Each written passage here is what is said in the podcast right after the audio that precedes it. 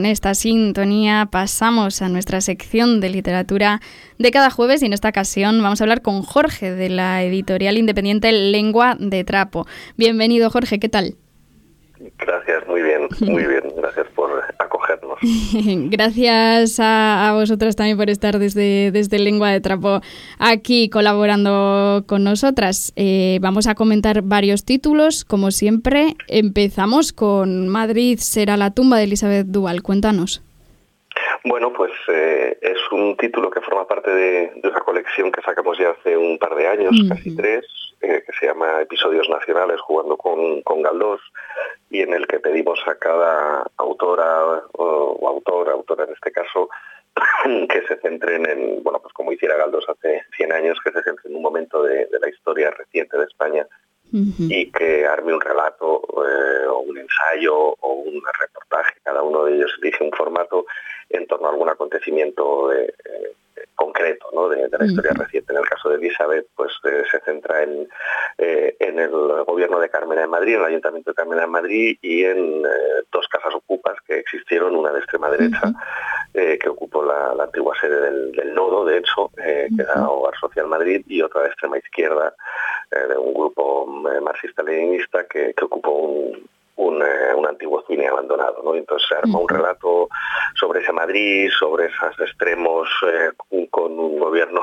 digamos, de, del ciclo del cambio en el medio, con personajes que se cruzan, con algo de política o mucha política, con algo de amor también, de desamor, de conflicto. Uh -huh. Y yo creo que tiene además de estar muy bien escrito porque es una novela, eh, no es un ensayo, aunque tiene elementos de reflexión y de, y de análisis la novela pero se toma en serio pensar desde los personajes sin ridiculizarlos, ¿no? aunque nos puedan parecer eh, eh, repugnantes, como es el caso de, de, de un militante uh -huh. fascista de Hogar uh -huh. Social Madrid, pero bueno, ver desde dónde piensan, cómo construyen, cómo, cómo, cómo se relacionan con, con el mundo y, y, cómo eso además genera una fricción enorme al encontrarse de una manera que nos contaré para no desvelar la novela con, con alguna, de alguna manera con su espejo invertido con unos militantes de extrema.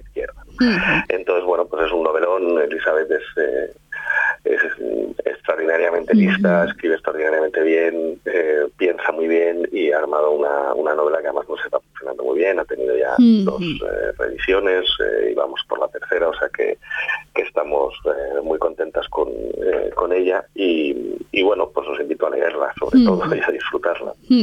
Como decías antes, ¿no? Lo, lo, publicabais hace, hace dos años, Madrid será la tumba sí. y bueno, pues parece que la acogida está siendo buena. Está siendo buena, es la primera novela de Elizabeth, es verdad que Elizabeth es muy joven, pero en muy poco tiempo se está haciendo un hueco sí, importante sí. En, en, la, en, bueno, en las letras y en, el ensayo uh -huh. y en la novela. En, España está su primera novela, por ahora la única. Uh -huh. eh, y, y, la verdad es que gustó mucho y se está leyendo mucho y se está discutiendo, que eso es lo que nos gusta también, no, no solo vender, que siempre es pasta y, y nos permite subsistir, pero es también sin, síntoma de algo normalmente más interesante y es que hay gente eh, pensando a través de, de los libros y, uh -huh. y, y, y, pensando políticamente, que eso es lo que en lengua de nos interesa también. Uh. Y que la novela también es una herramienta para ello, ¿no? No es solamente el ensayo o otro tipo de formatos. Claro, la novela, a ver, yo no soy muy amigo de las novelas de tesis, estas novelas que te dicen lo que tienes que pensar uh -huh. y que te dan ya una, una idea cerrada de cómo tiene que ser el mundo, al revés, yo creo que la novela tiene que explorar, tiene que abrir más que, más que cerrar preguntas, pero, pero tiene que indicar también qué preguntas son interesantes, eh, cuáles, eh, cuáles nos ayudan a pensarnos, porque al final las novelas pues, son formas de, de, darnos sentido, ¿no? y más en un mundo en el que cada vez es más difícil tenerlo. ¿no? Entonces es una novela que habla de política, es una novela entre comillas política, pero no es una novela de tesis, donde uh -huh. el autor te está o la autora te está diciendo cómo es el mundo y cómo tienes que pensarlo, sino que te está ayudando a entenderlo uh -huh. y, a, y, a, y, a, cuestionarlo a la vez, ¿no? que eso es lo que nos interesa de, de la ficción, pero evidentemente uh -huh. la novela siempre es, eh, lo quiera o no, política, ¿no? Eh, incluso cuando no lo quieres, o normalmente es cuando más política es, ¿no? Los temas que dice, la manera de tratarlos, la manera de, de pensar el mundo siempre, siempre es política. Jorge, pues si te parece, dejamos esta recomendación. Madrid será la tumba de Elizabeth Duval y pasamos a, al siguiente título. Seguimos con Barrio Venecia.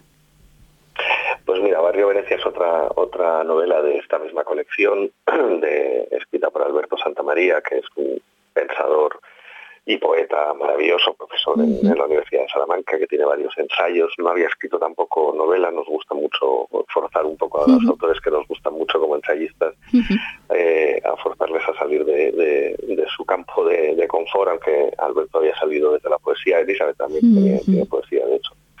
Esta novela es más en primera persona porque el, el episodio, entre comillas, que es un largo episodio que narra, Es el, fin de la industria, en concreto en Cantabria y en concreto en, yendo a su infancia, porque su padre bueno pues trabaja en una, en una fábrica eh, y, rememora un poco ese mundo fabril. ellos viven encima de la fábrica prácticamente, porque es la, fábrica de, finales de los 60, principios de los 70, incluso antes, construida mm, al lado de viviendas o que construye viviendas al lado para los trabajadores más bien en un barrio que se llama Venecia porque se encharcaba permanentemente. Entonces la ironía de llamarlo barrio Venecia cuando es un barrio puramente industrial, mal hecho, eh, construido en encima de unos cenagales que se, que se inundan cada vez que llueve y en Cantabria tiene tendencia a llover, pues es ya un, juego interesante ¿no? de cómo eh, intentar hacer bello lo, lo, lo, lo siniestro, ¿no? que es el mundo obrero, fabril, la explotación, eh, y entonces, bueno, pues es un ensayo que habla de ese mundo y habla de ese mundo y yo creo que esto es muy importante sin ninguna nostalgia. Ahora que está un poco de moda mm, eh, la nostalgia del mundo obrero, normalmente por gente que nunca lo vivió y que nunca trabajó en una industria, pero que añora la vieja clase obrera como si deslomarse en una fábrica fuera algo digno de, otra cosa que no luchar contra ello justamente. Como, como ocurre también ¿no? con lo rural, una idealización también cuando tenemos muy cercana ¿no? a, gente que, que trabajó en el campo y que no te dirían lo mismo, vaya. Claro, es que es un poco la nostalgia de los hijos de la clase media que miran un pasado idealizado como maravilloso cuando la gente se deslomaba, era explotada trabajaba de sol a sol en el campo o, trabajaba en una fábrica que, la acaba, que te acaba matando 20 eh, años antes o 30 de lo que de lo que deberías o te acaba matando en vida aunque sigas viviendo hasta los 90 porque estás deslomado. ¿no? Eh, entonces es una mirada muy poco nostálgica sobre el mundo obrero, pero tampoco eh, evita ver los, los, los, brotes de belleza que había en las relaciones entre los padres y los hijos, eh, la casa, el, ir poco a poco descubriendo el mundo de la cultura de un hijo de la clase obrera y, abriéndose a ella, porque no deja de ser un autor que acaba siendo profesor de universidad, ¿no? Entonces no es una huida de la clase en términos de no mirar atrás y no saber de dónde, de dónde vienes, al revés, es un reconocer el, origen, pero sin ese elemento nostálgico, eh, obrerista, eh, falsamente obrerista, vamos, obrerista, pero en el sentido peyorativo de, añorar la explotación y la propia dominación en lugar de, añorar lo único que yo creo que se puede añorar y creo que hace la novela, que es eh, la lucha contra ese mundo eh, y, los sueños y los deseos de emancipación eh, que, toda condición de explotación genera. Entonces es una extraordinaria novela, además Alberto escribe extraordinariamente bien pero sobre un mundo obrero que ni idealiza ni, ni, condena, sino que explora, y explora sentimental y, afectivamente tanto como, como, como incluso te diría más eh, que lo explora desde, desde lo afectivo, pero teniendo en cuenta que lo afectivo es siempre ideológico. Pues dejamos aquí esta, esta segunda recomendación, Barrio Venecia, de Alberto Santamaría, primera novela, como decías, del autor. Eh, ¿Qué más títulos vamos a, comentar, Jorge? Pues mira, si queréis, para hacer un descanso entre tanta, entre tanta cosa aparentemente densa, que no lo son, porque luego son novelas que se leen súper bien, os puedo comentar un ensayo que acabamos de sacar de otra colección de la editorial, eh, que es eh, la colección Carabé, que sacamos hace ya muchos años y hemos ido sacando títulos y acabamos de sacar el nuevo. Es una colección que cada libro se enfoca en un disco, en un disco de, la, de, la, música del Estado español y también eh, iberoamericana. y a partir del disco, muchas veces como excusa, pues narra un momento, un momento cultural, un momento histórico, un momento creativo dentro de la escena musical eh, pero siempre centrado no tanto en el grupo eh, o en una cantante o en un artista como en un disco. En este caso hemos sacado muchos de, Euskadi. Sacamos un libro sobre el estado de las cosas de Cortatu, eh, además con prólogo de Bernardo Achaga, pues hace ya 10, 15 años que funcionó muy bien y ahora hemos sacado uno sobre Mónica Naranjo, eh, que tiene un título fuerte, se llama El año que Mónica Naranjo desató a un millón de chonis, maricas y marujas. Y utilizamos en el título chonis, maricas y marujas en término afirmativo y, elogioso, ¿no? como crítica, es decir, que el libro analiza cómo Mónica Naranjo acabó funcionando como un catalizador eh, o, dándole banda sonora a una revolución que estaba dándose en la sociedad española en los años 90, a finales de los 90, por la que todo lo que había sido despreciado de alguna manera por la industria y también por la crítica cultural, es decir, los chonis, las maricas y las marujas, de repente encuentran en Mónica Naranjo y Mónica Naranjo encuentra en ese público una suerte de representación. Es decir, que lo que había quedado en los márgenes de la cultura, lo que era despreciado, lo que no valía, eh, de repente vende un millón de discos. Y es como una forma de decir, bueno, pues igual nos tenemos que convertir en público para que nos respetéis. Eh, y la forma de, adquirir respeto en sociedades modernas suele ser eh, a través de, la compra y de, convertirse, eso es, de convertirse en consumidor, ¿no? en consumidor, pero oye, pues bienvenido sea porque esto nos está dando visibilidad, representación y de repente, pues sobre todo a partir del colectivo LGTBI, pues eh, Mónica Naranjo se convierte en un icono, pero en un icono de visibilidad, de aceptación social, de reconocimiento. Y el libro lo cuenta pues analizando mm, pues lo que fue la carrera de Mónica Naranjo eh, en este primer disco, ¿no? en, en Más Fuerte, ¿no? en eh, cómo Mónica hace un primer disco en España que vende 1.500 copias, cómo se va a México porque en España no triunfa, como México lo peta, como Sony Internacional, la, discográfica, pues llama a España y dice, oye, ¿qué habéis hecho? tenéis una artista que en México está vendiendo una barbaridad y en España no habéis sido capaces de vender más que 1.500 copias, va a volver a España, tenéis que hacer un disco que lo pete. Pero claro, ya digamos que en España pues, eh, pues ella va un poco en contra de la industria no la quiere, la tiene que aceptar porque le ha ido bien, pero pero, pero, pero a regañadientes, la crítica cultural pues la ve como una Sony justamente, y entonces la desprecia, a pesar de que mm, lo esté petando, y como pues contra todo esto, que no dejan de ser prejuicios de la industria, del mundo cultural y, de, y, del mundo del negocio cultural, pues Mónica se va abriendo paso a la vez que con ella se va abriendo paso todo, todo un sector social amplio que había sido ignorado por la industria. Entonces es un disco, o sea, un libro apasionante porque bueno, te cuenta la transformación social al lado de Mónica Naranjo. O sea, que no es tanto una, una biografía ¿no? en sí de Mónica Naranjo, sino que recoge ese análisis ¿no? de cómo se convierte en una figura que es catalizadora, podríamos decir, de, ese proceso de transformación, de identificación de, como dice el título, maricas, chonis y marujas.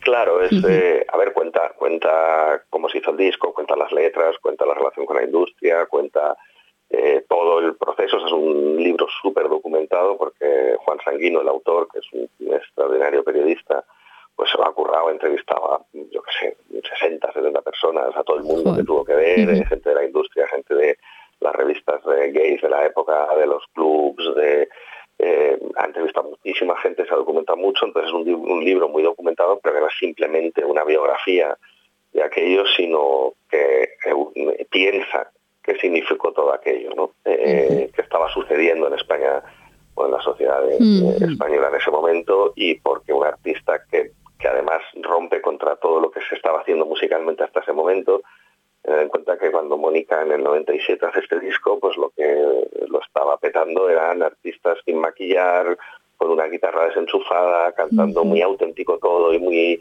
eh, sentimiento, desde Ella Baila Sola a Alejandro Sanz, a, yo que sé, a, cantautores, eh, Ismael Serrano, etcétera, etcétera, y de repente aparece una tipa maquillada hasta arriba, eh, con el pelo de dos colores. con esa imagen un poco drag. Eh, un poco drag también, eh, y ahí mezclando bacalao con copla, con eh, un poco música de baile, disco, etcétera, y que es todo lo contrario de lo que se estaba haciendo, todo lo contrario de, la música como autenticidad, esto es puro artificio, pero es un artificio en el que un millón de personas se sienten absolutamente representadas y no es un millón cualquiera, no es el millón de los que escuchan indie, no es el millón de los que escuchan, yo qué sé, a Coldplay ahora, sino que es una gente que viene de los barrios, que viene de LGTBI, que viene del polígono, que viene de los márgenes de la sociedad, ¿no? Y que de repente en ese final de los 90 acceden al consumo y a la visibilidad social. ¿no? Se me ha venido a la cabeza ahora que, ¿no? que hablas de todo esto también eh, Camela. O sea, no, sé si... Camela viene después. Camela ah, es después, de Mónica. Claro. Claro, es que Camela no se entiende sin, sin antes este fenómeno. Eh, y, son, paralelos, lo que pasa es que, claro, eh, Mónica tiene el plus del colectivo LGTBI que no tiene Camela. Y a mí personalmente me interesa más musicalmente, aunque Camela lo respeto mucho. Pues, pues dejamos aquí este título muy interesante, Apriétame más fuerte, de, Juan eh, Sanguino. ¿Con qué vamos eh, a seguir? Pues mira, eh, os comento otro episodio nacional, si os parece que está que ha vuelto a estar de moda.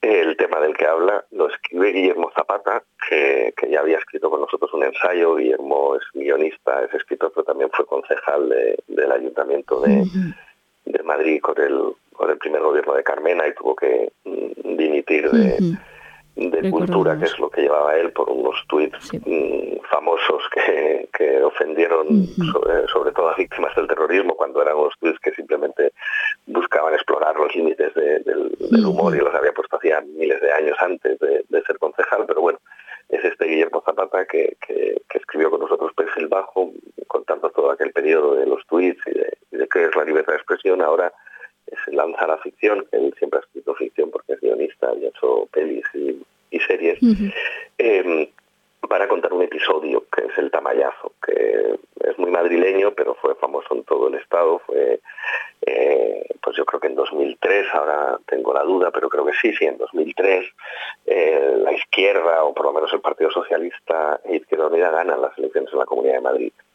Pero en, la votación de primera, antes de la investidura, la de la conformación de la mesa, que siempre es anterior en, las asambleas y en los parlamentos, dos diputados del Partido Socialista de repente no aparecen y no votan lo, pactado y se pierde, eh, se, ve que se va a perder el gobierno, que, la izquierda pierde porque tiene dos, dos tránsfugas o dos eh, diputados que, parece que han pactado, no se sabe a cambio de qué y con quién, y se acaba perdiendo el gobierno de la Comunidad de Madrid, gana Esperanza Aguirre y, se inicia los veintitantos años de eh, gobiernos neoliberales mm, salvajes de la, de la, Comunidad de Madrid que llegan hasta Ayuso.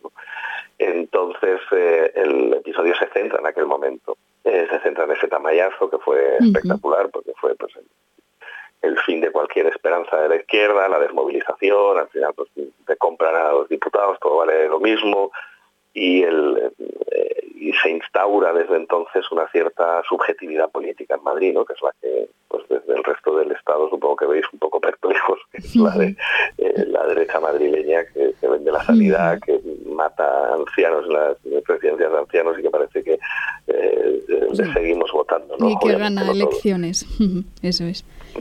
Sí, perdona.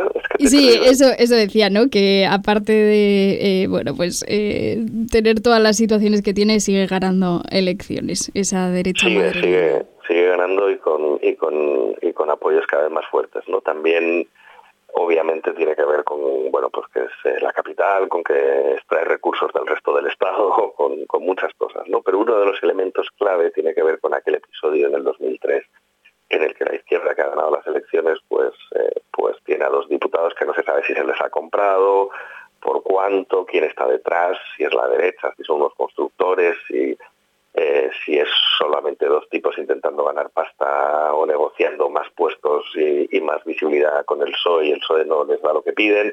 Todo el libro, el libro explora eso y lo explora además con mucha inteligencia porque el propio Guillermo diez años después del Tamayazo y diez, por tanto, antes de escribir este libro, había escrito un guion de cine sobre el Tamayazo. un guion de cine que, estuvo a punto de, convertirlo en película, pero al final, pues, se quedó en, como muchos otros proyectos, se quedó en el tintero. Entonces él narra el libro desde lo que él recuerda hoy del Tamayazo, lo que ha investigado, pero sobre todo también de cómo lo veía hace diez años, justo cuando estaba surgiendo el 15M, como él entendía que había que hablar del tamayazo para intentar cambiar la política en la Comunidad de Madrid y como lo ve hoy. Y, y, además de eso, pues lo alarga hasta la fecha de hoy, ¿no? porque el libro termina, termina casi en, el Madrid actual, de, pocos meses antes de llevar el libro a imprenta, eh, con la caída de, de Casado la irrupción de Feijó, con eh, Ayuso. Entonces es un libro eh, que aunque no seáis público madrileño y estéis seguramente muy hartas del madrileño, madrileño centrismo que, estilamos aquí en, el centro, pero es un libro que explica muy bien la deriva hacia, hacia la derecha en la sociedad española, en la madrileña en concreto, pero. Sí, ha, creado olas, ¿no? Ha creado también movimiento hacia afuera olas y mareas, si me, apuras, sí. Pues dejamos aquí este otro título, No a todo, de, Guillermo Zapata, otro análisis de otro episodio nacional. Pasamos eh, al último libro a comentar. ¿Con qué vamos a, cerrar la sección, Jorge? Pues mira, iba a cerrarla con otro, pero que es muy madrileño y entonces se decidió que pasamos un poco de Madrid, si os parece. Genial. Y, os comento un libro que me gusta especialmente, eh, que es eh, Vida y obra de Gabriel Maceli Campalans, eh, que lo escribe Javier Padilla Moreno, que, que, es un grandísimo escritor, además fue premio comillas por por a finales de enero una novela que escribió sobre los atentados de, Atocha en la transición es también una novela de corte histórico, también se enmarca en la colección de episodios nacionales. Eh, y lo que hace Padilla eh, es mm, tratar el final del franquismo en Andalucía desde y enfocándose fundamentalmente o casi exclusivamente en la contracultura andaluza, sobre todo musical. En los grupos eh, de rock progresivo, de rock flamenco, de flamenco fusión eh, con, rock, de Smash, de, muchos otros grupos, eh, de Nazario, de, Pau Riva, de, em, que surgen en ese final del franquismo y que es una explosión cultural extraordinaria y que acaba de alguna manera fagocitada y un poco asesinada por, bueno pues por la, la, cultura socialista que llega unos años después ¿no? entonces Padilla además es un tipo trabajador hasta, hasta el final, entonces antes de escribir la novela la, se documentó y para documentarse entrevistó casi a 100 personas, eh, es decir, músicos, escritores, eh, políticos, em, que tuvieron que ver con, ese momento de, final del franquismo.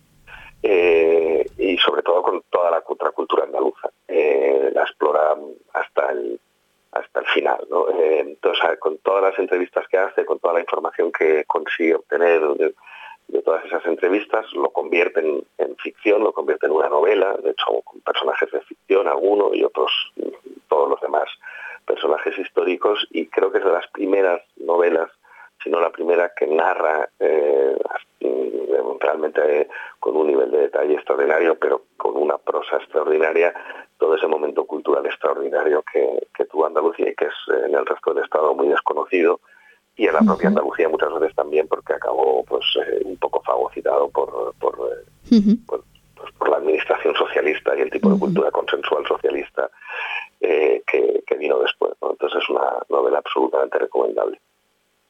Pues cerramos aquí la, sección, Jorge. Muchísimas gracias por estar aquí con nosotras y por traernos todas estas recomendaciones desde Lengua de Trapo. Muchas gracias. Muchísimas gracias a vosotras. Es un placer, como siempre. Un placer también. Agur. Agur.